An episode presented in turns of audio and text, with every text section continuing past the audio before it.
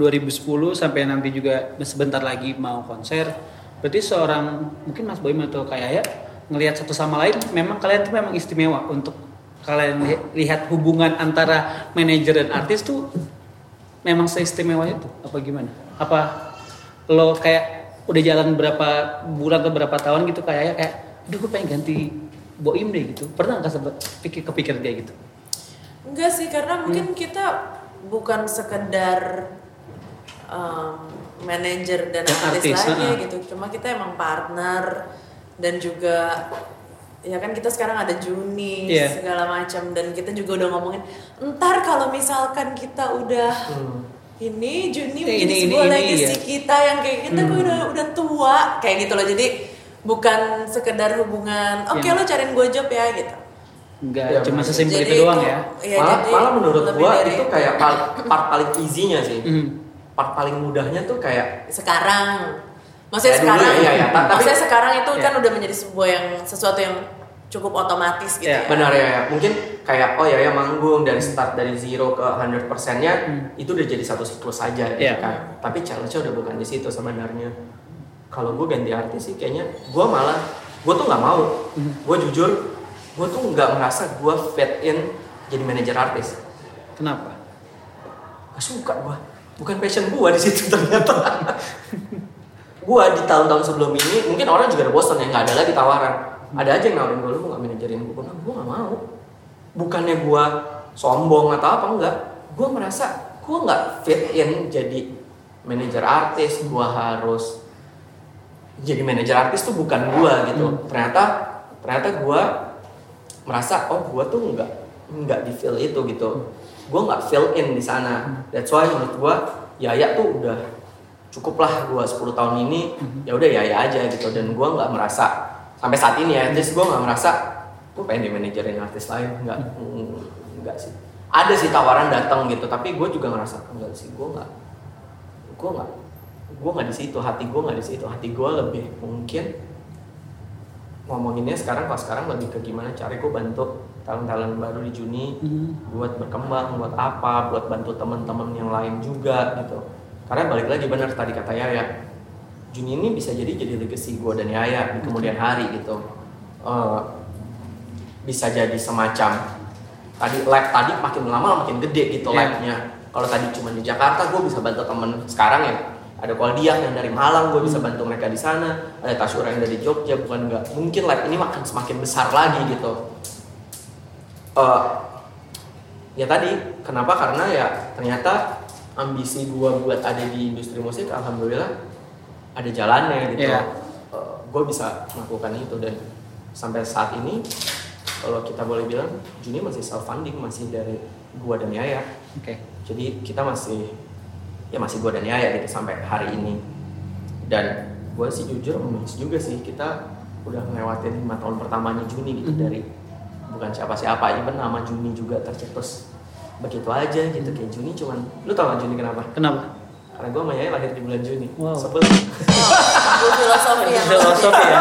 Tapi kalau gua kita balik, balik lagi ke belakang awalnya jadinya kayak Ayah sama Mas Boy itu akhirnya mau bikin label sendiri tuh. Gimana sih ceritanya?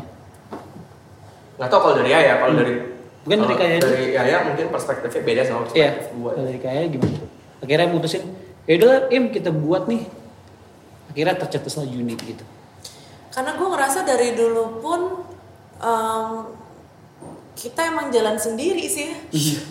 maksudnya gue tidak merasa emang emang pada awalnya gue nggak pernah full sign dengan label Mhm. jadi otomatis gue tidak pernah mendapatkan full service dari sebuah label Iya. yang segala macam lah Didanain, didanain ini ya, ya. ada, beli spot lah apa segala macam kita ditaruh Ya, di sini ada, taruh di sini ya, nggak kayak gitu. kayak gitu-gitu gue tidak merasa gue mendapatkan itu pun Hmm. gitu jadi kita tetap bergerilya dan kita tetap kayak cari-cari jalan sendiri Hmm. kita tetap apa ya jadi dari awal gue merasa emang kita um, Acting, kebanyakan kebanyakan jadi label cari-cari Hmm. jalan sendiri juga gitu acting as a as a label juga Hmm. gitu jadi begitu um, ternyata bikin label sendiri itu sebuah kemungkinan Hmm. yang bisa kita lakukan karena kan ya awal-awal gue nggak ngerti gimana cara kita bikin label sendiri gitu cuma semakin gue belajar dan semakin melihat bahwa oh ternyata mungkin dan ternyata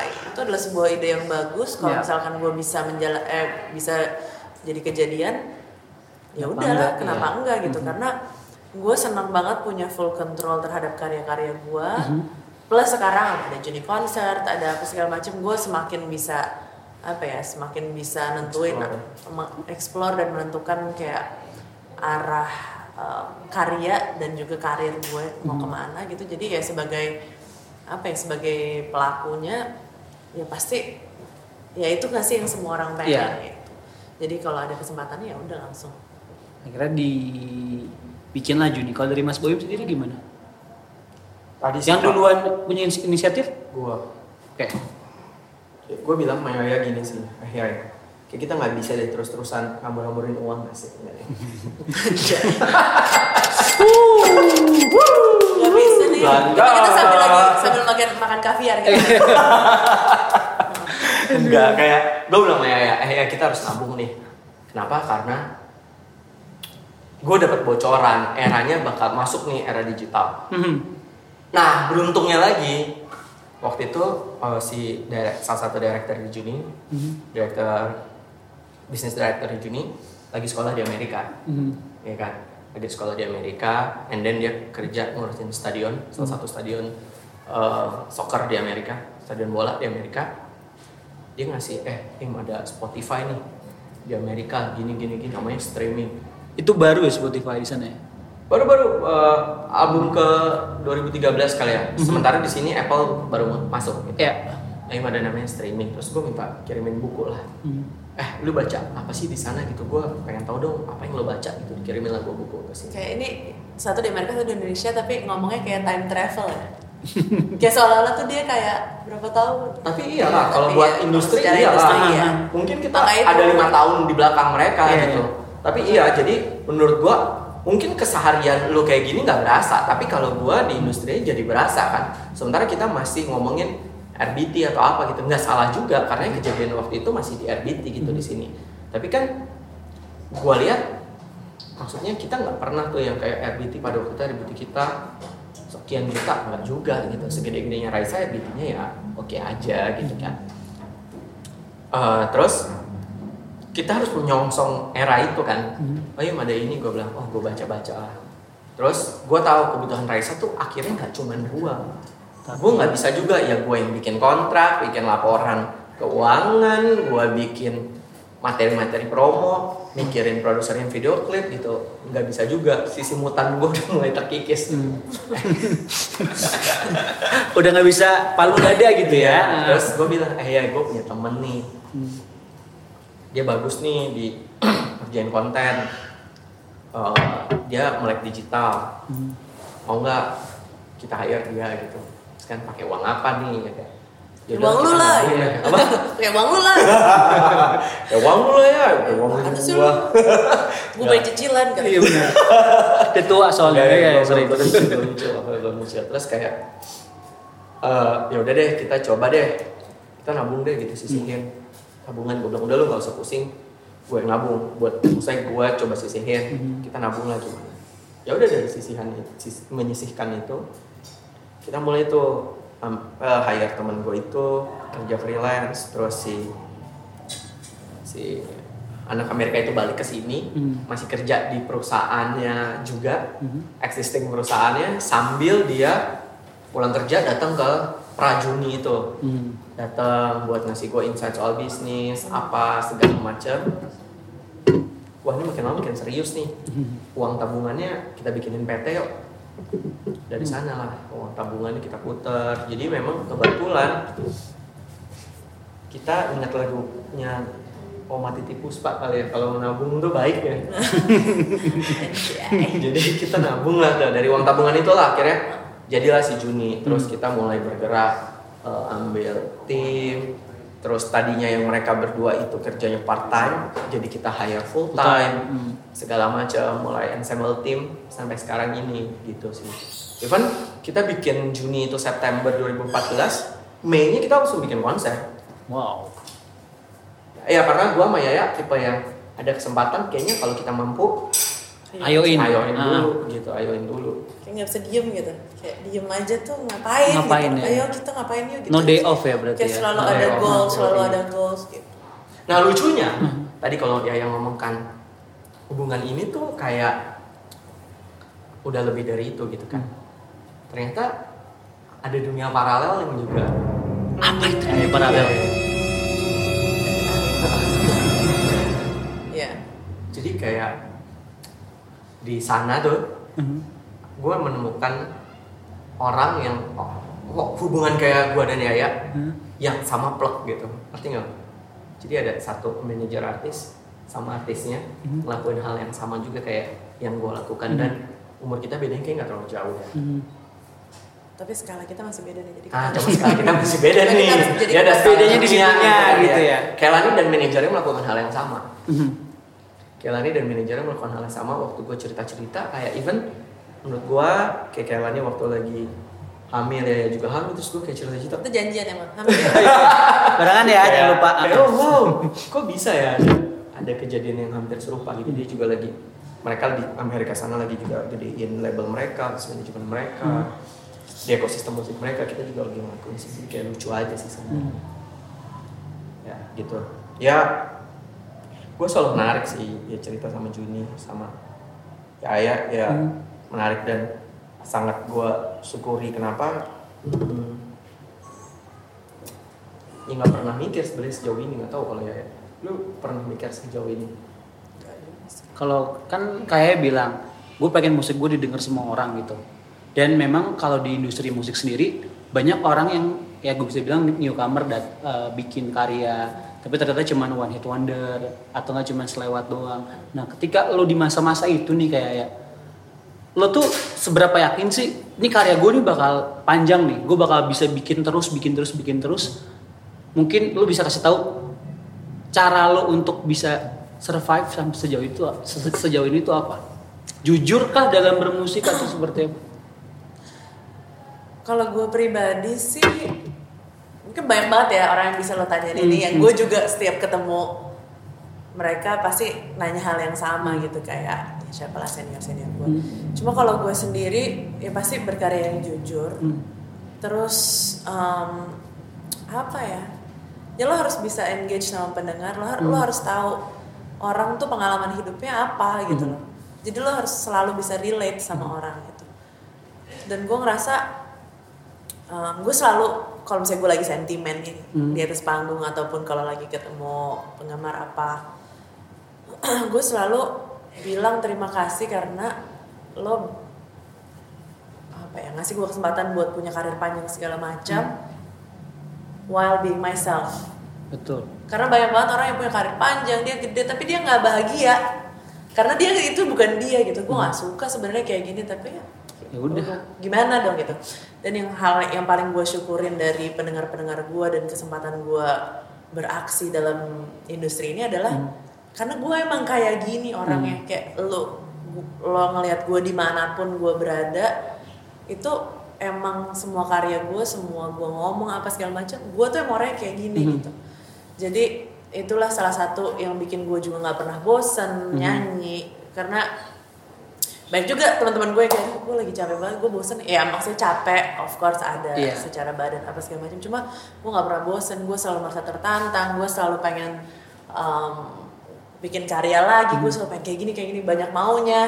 Itu tuh karena ya apa ya karena ini semua tuh bener-bener menyenangkan banget buat Mhm. gue gitu. Jadi gue rasa itu tertranslate juga di karya gue dan, Mhm. dan orang yang ngedengernya tuh apa ya bisa relate gitu jadi ketika gue bisa masuk ke dalam kehidupan mereka sehari-hari di saat mereka ngedengerin gue sambil di mobil sambil pacaran sambil patah hati sambil nangis sambil ketawa di saat gue bisa masuk ke dalam momen-momen mikronya mereka Mhm.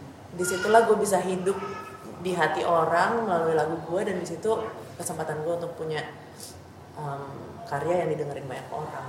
Gitu. Ini kalau ada efek tepuk tangan boleh ya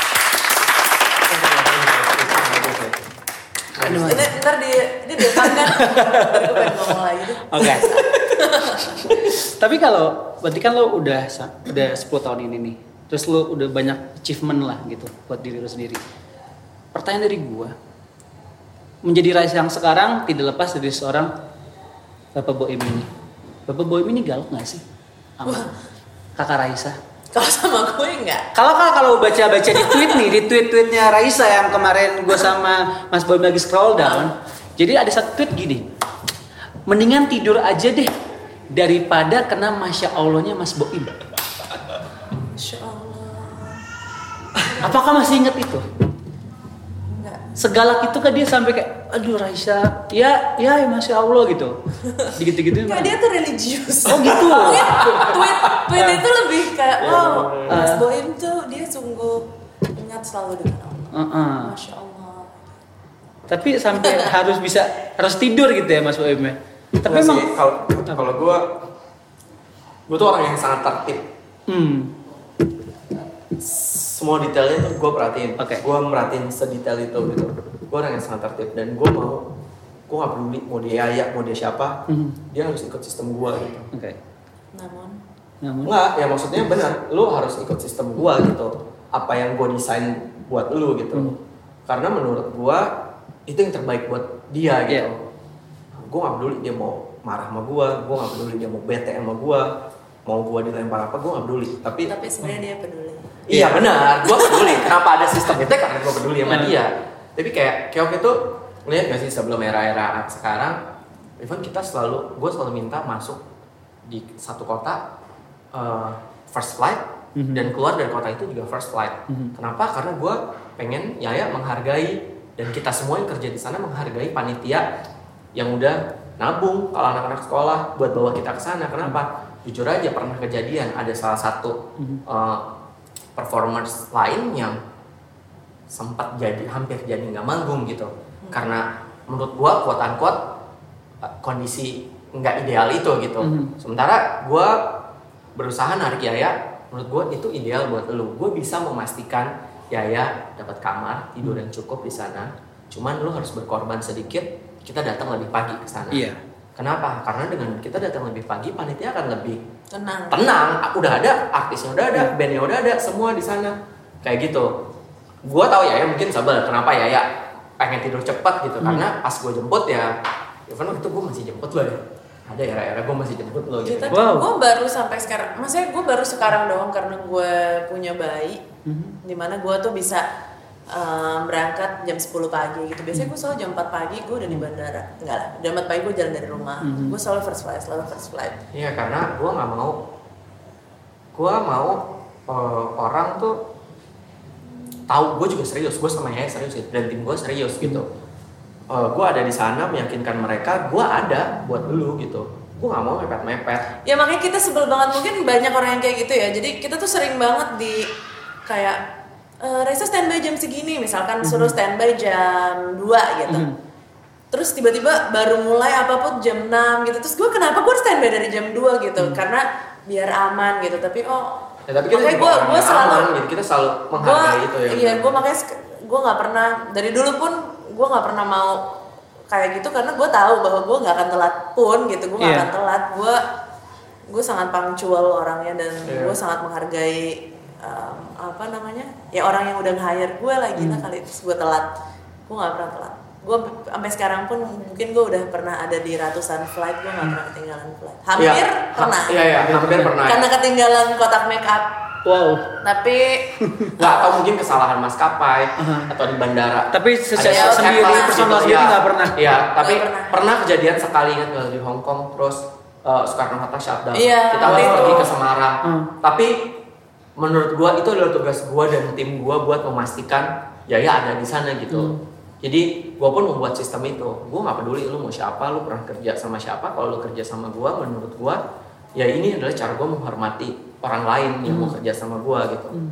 gue akan melakukan itu gitu termasuk ke Yaya gue orang yang strict banget sama Yaya gitu mungkin sekarang sekarang ini aja Yaya yang nyiapin bukan gue tapi kenapa akhirnya bisa gue lepas karena gue yakin orang yang tim gue yang bersama Yaya juga udah mengkopi apa yang uh, konsep-konsep dasar gimana gue menghargai kita kita berdua menghargai klien kita berdua menghargai panitia-panitia pensi gitu. Karena ya again gue juga bingung kalau sampai ada isu-isu yang segala apa gitu. Padahal ya memang gue even kalau lu baca riders isinya adalah gimana cara menjalankan event. Mhm. mungkin nah ini juga kayaknya, kayaknya lucu juga ngomong ini kayak dikit aja dikit kayak menurut gue bedanya gue nggak di riders gue tuh gue nggak mau ngerjain lu tapi gue mau lu paham gimana caranya kita bekerja sama lu panitia gue musisinya bekerja sama biar supaya semua yang hadir di situ aman gitu Hmm. even gue ngasih tahu kalau gue nggak mau ada security yang Heboh. heboh gue nggak mau mending security lo lu plot buat ngamanin penonton. Acara, iya. ngamanin penonton. Pastiin dia menghadap ke penonton. Itu aja gue anjurin gitu. Lu pastiin ada space buat ambulan. Mhm. karena banyak yang nggak kayak gitu gitu. Mungkin lu kelihatannya ribet tapi menurut gue itu cara gue menghargai kita berdua menghargai penonton yang datang susah-susah ke venue gitu. Lo bayangin kalau nggak ada space buat ambulan lewat. Ya kan?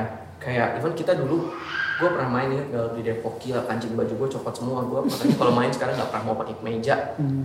Uh, Oh, gue juga ada bekas copot. iya kayak kayak tiba-tiba serusuh itu gitu. Kadang-kadang mungkin teman-teman nggak ya mungkin kita karena tiap hari yang ngelakuin ini mungkin nggak merhatiin kayak oh jarak dari panggung ke sini tuh terlalu dekat Mhm.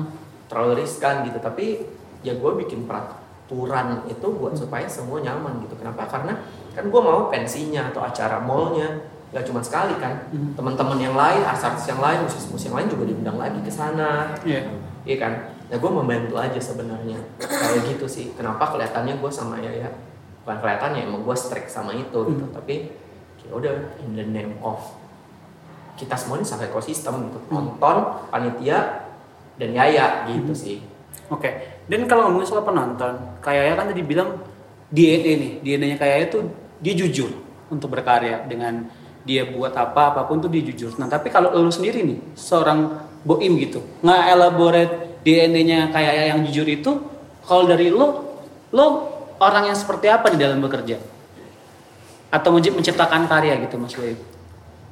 Kalau gua dari Kerja keras kah? Hmm. Oh pak, iya iya, iya. gua, ya gua tadi gua orangnya strict banget eh, sama semua hal gitu, Hmm. hal detail gua gua micromanage gua semua itu jeleknya gua lah. Hmm.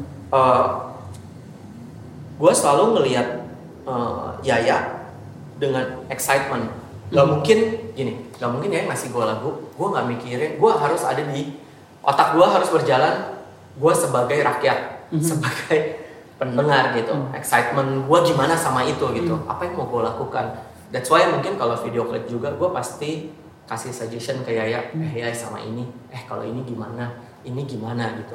Karena gua memposisikan diri sebagai, gua malah lepas lagi dari manajer Yaya apa segala macam, gua adalah orang pertama yang harus support apa pun itu gitu.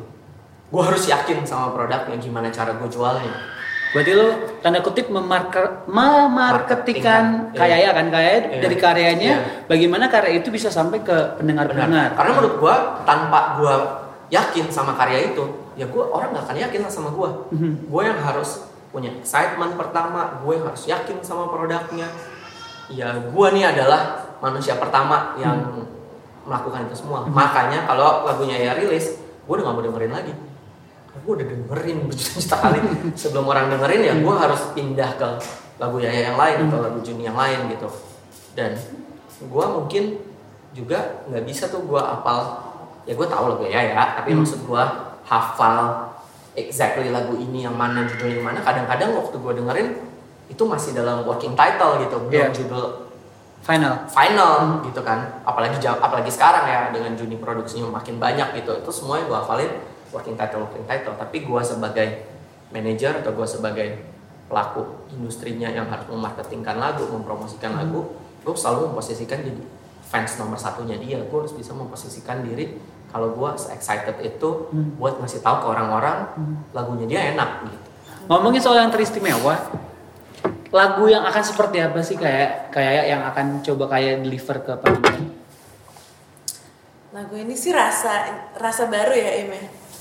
ya hybrid kalau menurut gue lagunya hybrid Kenapa hybrid? Ibaratnya nih pepaya Bangkok Waduh, Kenapa istilah pepaya Bangkok tuh Enggak ya? apa ya? Ya? Bentar, bentar. bentar. Pepaya Bangkok gua nggak bisa ngebayangin